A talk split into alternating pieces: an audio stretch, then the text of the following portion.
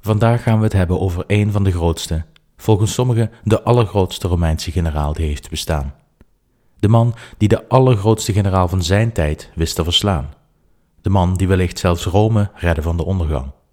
De man wiens naam luidkeels gezongen wordt in het Italiaans volkslied, maar lang niet zo bekend is als andere grote namen die na hem leefden, zoals Caesar en Augustus.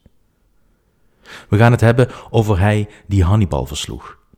Hij die de Tweede Punische Oorlog in het voordeel van Rome besliste. Hij, de leerling, die zijn meester versloeg. Welkom bij de geschiedenis van het Romeinse Rijk, aflevering 67. De Tweede Punische Oorlog, deel 17. Scipio in Hispania.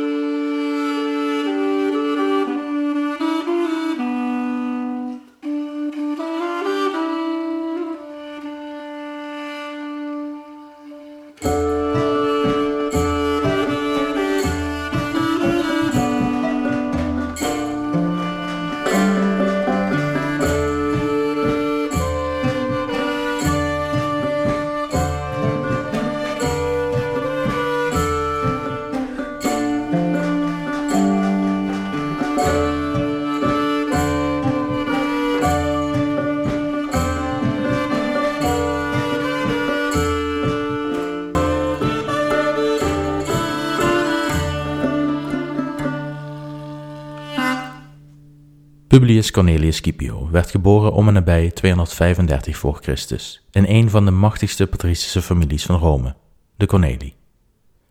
Helaas is er weinig bekend over de jonge jaren en latere jeugd van Scipio. De historici die over hem schrijven, schrijven niet over zijn jongere jaren, maar alleen over zijn grootste daden tijdens zijn politieke carrière. Er gaan wel verhalen over de jeugd van Scipio, maar die zijn hoogstwaarschijnlijk verzonnen om Scipio's grootste daden te verklaren of om hem op gelijke hoogte te brengen met bijvoorbeeld Alexander de Grote. Scipio heeft al enkele keren in deze podcast gefigureerd. De eerste keer dat hij een rol van betekenis speelde was in de slag bij de rivier de Ticinus, toen hij als 17-jarige de leiding had over een klein groepje ruiters die, toen zijn vader gevaarlijk gewond was geraakt, door de vijand die zijn vader had omsingeld heen brak om zijn leven te redden. Een tweede maal komt Scipio voor in de nasleep van de slag bij Cannae in 216 voor Christus, toen hij een groep overlevenden naar een nabijgelegen stad wist te leiden en aldaar in muiterij voorkwam door heldhaftig optreden. Vandaag gaan we het echter hebben over zijn grootste wapenfeiten, de campagne die Scipio in zowel Hispania als Afrika bracht en hem uiteindelijk oog in oog liet staan met zijn meester en aartsvijand, Hannibal. We beginnen vandaag in 213 voor Christus, drie jaren na de slag bij Cannae, waar we voor het laatst hoorden van Scipio. In dit jaar begon de belegering van Syracuse, maar wordt ook voor het eerst weer iets vernomen van Scipio. Hij bevond zich namelijk in Rome, waar het een en ander aan de hand was. De stad worstelde uiteraard nog steeds met de zware lasten die de oorlog met Carthago had gebracht. De stad was volgelopen met vluchtelingen van het platteland, die de plunderingen van Hannibal ontvluchtten. Veel van deze mensen waren alles kwijtgeraakt en Rome had niet de middelen om al deze mensen op een juiste wijze op te vangen. En dus sliepen ze op straat en op de fora door de stad heen. Livius beschrijft hoe deze enorme instroom aan vluchtelingen voor problemen zorgde in de stad. Veel inwoners hadden zich bij de Senaat beklaagd over het feit dat de mensen de stad bevuilden en onveilig maakten. De Senaat riep de verantwoordelijke magistraat op het matje de ediles waren verantwoordelijk voor de veiligheid van de stad en zij hadden niet weten te voorkomen dat hele straten werden aangetast door de wanhopige vluchtelingen die tot overmaat van ramp steeds meer vreemde rituelen uitvoerden om de goden te bewegen iets aan hun situatie te verbeteren. Dit kon natuurlijk niet. Er waren slechts bepaalde, goedgekeurde en bewezen rituelen die werkten en de rest was godslastering. En dus aan de ediles de taak om orde op zaken te stellen. Alleen toen de edeles iets probeerden te doen aan de situatie, werden ze met pek en veren verjaagd van hun eigen fora, door de vluchtelingen die steeds wanhopiger werden door een uitzichtloze bestaan. De veiligheid van een ieder die ook maar iets durfde te zeggen over de vluchtelingen kwam in het geding. Omdat de edeles de situatie zo uit de hand hadden laten lopen, werden ze uit hun ambt ontzet en moesten er nieuwe edeles worden aangewezen. en Scipio stelde zichzelf verkiesbaar. We kunnen dus aannemen dat Scipio zich al een tijdje in Rome bevond om hier de cursus honorum te doorlopen. De verkiezing van Scipio verliep echter niet vlekkeloos. Om edele te kunnen worden moest je namelijk de leeftijd van 27 jaar hebben bereikt, en Scipio was pas 22 of 23 jaar in 213 voor Christus. Ondanks zijn leeftijd werd Scipio toch verkozen tot edele.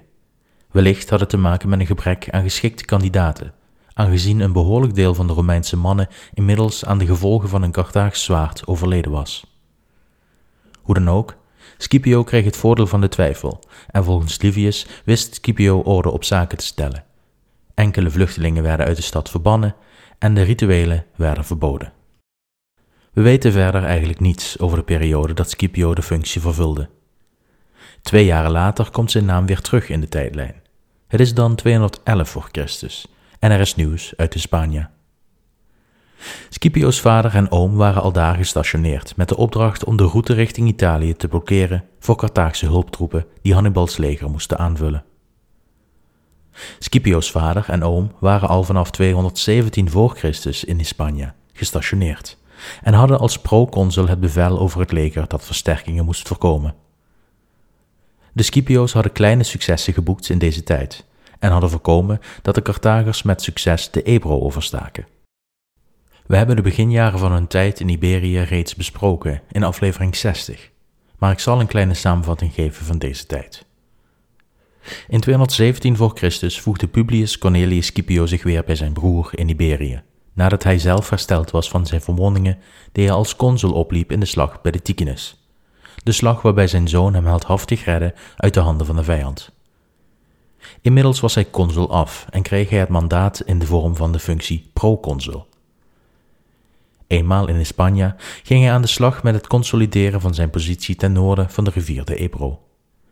Hij legde zijn verdedigingswerken aan op strategische plekken, ging vriendschappelijke relaties aan met aldaar wonende Keltiberische stammen en hij won de slag bij de Ebro, waarbij hij 25 Carthaagse schepen wist te veroveren.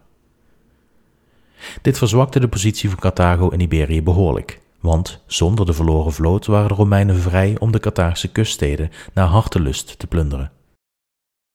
Hasdrubal Barca, de Carthaagse bevelhebber, moest zijn legers verspreiden over de kust en tegelijkertijd onlusten onder de lokale bevolking de kop indrukken, wat de Romeinen de tijd en ruimte gaf om hun campagne zuidwaarts voor te bereiden. Na de nederlaag van Hasdrubal Barca in de slag bij Iberia in het voorjaar van 215 voor Christus hadden de Romeinen hun basis ten noorden van de Ebro veiliggesteld. Vervolgens wonnen ze enkele Iberische stammen in de regio voor zich. Zowel de Romeinen als de Carthagers hadden de opstanden van de Iberische stammen die rond deze tijd plaatsvonden neergeslagen. De Scipio's kregen geen versterking uit Italië, waar Hannibal de Romeinen zwaar onder druk had gezet. Vanwege een gebrek aan steun van Rome voerden de Scipio's in 214-213 voor Christus geen noemenswaardige operaties uit tegen de Carthagers. In 215 voor Christus hadden de broers in Rome geklaagd over het gebrek aan Romeinse voorraden en financiële middelen voor een leger. De Romeinse Senaat reageerde door particuliere bedrijven te sturen om hun strijdkrachten te bevoorraden. Twee van deze kooplieden bleken echter oplichters te zijn, die de Scipio's met een succesvolle list hun geld afhandig maakten, zonder dat ze daar ook maar iets voor terugkregen. In 214 voor Christus was Rome in een financiële crisis terechtgekomen als gevolg van de zware last van de oorlog die op de schatkist drukte. Hierdoor namen de financieringsproblemen van de Scipio's toe. Ondanks het gebrek aan enige versterking of hernieuwde financiering gingen de Scipio's in 212 voor Christus over tot het offensief en eroverden ze Saguntum, dat in 219 voor Christus verloren was gegaan door Hannibal. Ondertussen was Hasdrubal versterkt door twee legers, respectievelijk geleid door zijn jongere broer Mago Barca en Hasdrubal Gisco. Laatstgenoemde zullen we Gisco noemen, zodat u hem niet verwacht met Hasdrubal Barca, de broer van Hannibal. Volgens Livius vochten de Romeinen van 215 tot 214 voor Christus meerdere veldslagen tegen de Carthagers ten zuiden van de Ebro, bij Iliturgi, Munda en Orongi. De chronologie van Livius wordt verwacht en tegengesproken door Polybius, die expliciet stelt dat de gebroeders Scipio pas in 212 voor Christus ten zuiden van de Ebro trokken. In de tussentijd hadden de Scipio's een Numidische koning genaamd Sifax overgehaald om vijandelijkheden tegen Carthago te openen, met een leger dat was getraind door Statorius, een Romeinse centurion. Over het algemeen was de situatie in Hispania stabiel genoeg voor Hasdrubal Barca om in 213-212 voor Christus zijn aandacht te verleggen naar Afrika om deze opstand neer te slaan. Hasdrubal keerde één jaar later terug naar Hispania en bracht 3000 Numidiërs mee onder Massinissa, de toekomstige koning van Numidië. Toen de gebroeders Scipio in 212 voor Christus hun campagne zuidwaarts waren begonnen, veroverden ze Castulo, een belangrijk mijnstadje in de buurt van hedendaags Cordoba, waar ze direct overwinterden. Al hier huurden de broers 20.000 Keltiberische huurlingen in om een leger van 30.000 Romeinen te versterken. De kracht van de Romeinen was verminderd door verliezen geleden tegen de Carthagers en Iberische stammen sinds 218 voor Christus. Toen de broers constateerden dat de Carthaagse legers afzonderlijk van elkaar werden ingezet en dat het leger van Hasdrubal Barca zich in de buurt van Amtorgis bevond, terwijl verder naar het westen Mago Barca en Hasdrubal Gisco hun legers hadden samengevoegd tot in totaal 13.500 manschappen, besloten de gebroeders Scipio hun leger op te delen in twee. Publius Scipio leidde de Romeinse en Italische soldaten om Mago en Gisco bij Castulo aan te vallen, terwijl Gnaeus Scipio een derde van het Romeinse leger in Spanje en de Keltiberische huurlingen meenam om Hasdrubal Barca aan te vallen. Deze keuze zou leiden tot twee veldslagen, de slag om Castulo en de slag om Ilorca, die binnen een paar dagen na elkaar plaatsvonden. Caius Scipio bereikte als eerste zijn doel. Hasdrubal Barca hield stand tegen Caius, bleef in zijn versterkte kamp en hij slaagde erin de Keltiberische huurlingen om te kopen om Caius Scipio te verlaten. Hij kocht ze om en de 30.000 troepen die Caius hard nodig had, verlieten het Romeinse kamp en trokken huiswaarts, hun zakken gevuld met goud en zilver. Het gevolg hiervan was dat Caius zich ineens in een penibele positie bevond, met een stuk minder troepen dan de tegenstander die hij had opgezocht om te verslaan. Maar de hoop was nog niet verloren. Zowel Caius als Hasdrubal bleven in hun kamp en boden elkaar geen gevecht aan. Tegelijkertijd ontvouwde zich een ramp bij Publius Scipio nabij Castulo. Hij had zich klaargemaakt voor het gevecht met Mago en Gisco toen zijn verkenners hem vertelden over een vijandelijke Keltiberische groep soldaten die bewoog in de richting van de enige Romeinse ontsnappingsroute uit het gebied. Uit angst omsingeld te worden verliet Publius zijn kamp met het overgrote deel van zijn leger om de Keltiberiërs te verrassen en snel te verslaan, voordat het grote gevecht met Mago en Gisco kon beginnen. Ze trokken in de nacht het kamp uit om onder de dekking van de duisternis een verrassingsaanval in te zetten. De aanval verliep niet naar wens. Zowel de vijandelijke Celtiberiërs als de Romeinen zagen geen hand voor ogen en het gevecht verliep chaotisch voor beide kanten. Uiteindelijk wisten de Celtiberiërs lang genoeg stand te houden, zodat Massinissa, de Numidische veldheer en latere koning, bij de mini-veldslag aankwam en de Romeinen in de flank kon aanvallen. Er ontstond een chaotisch tafereel waarbij de Romeinen aan het kortste eind trokken. De Numidiërs bestookten de Romeinen met werpsperen en een van deze kwam terecht in de borst van Publius Scipio, die ter plekke stierf. De Romeinen werden verslagen nog voordat de slag goed en wel begonnen was. Enkele dagen later zag Caius Scipio het leger van Mago en Gisco opduiken om Hasdrubal te versterken. De aantallen waren nu ernstig in het nadeel van Caius, die nog niet op de hoogte was van de Romeinse nederlaag en de dood van zijn broer. Hij besloot eieren voor zijn geld te kiezen en vertrok ook in de nacht in de richting van de Ebro om aldaar zijn verdedigbare posities langs de rivier in te nemen.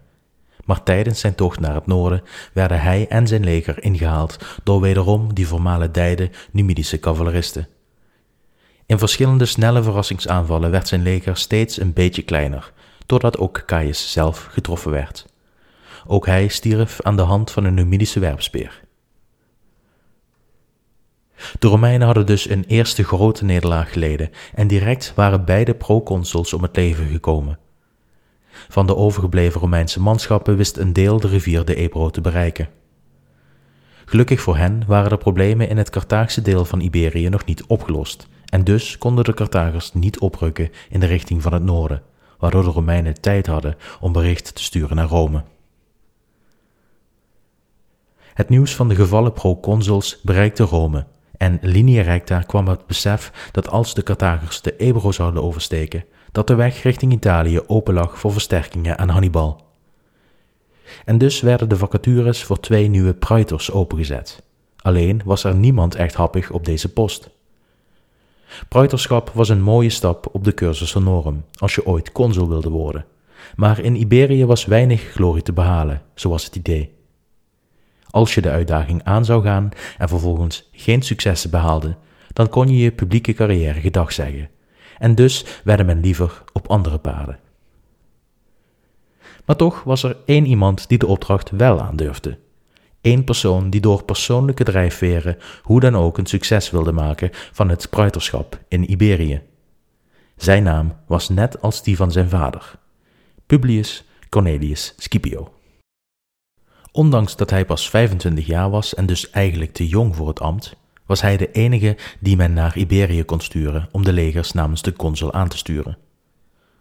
Hij had nog geen enkele ervaring als legerleider, en de consensus in Rome was dan ook dat hij waarschijnlijk net als zijn vader zou falen. Maar men gunde hem de kans om de eer van zijn familie te herstellen en de dood van zijn vader en oom te wreken.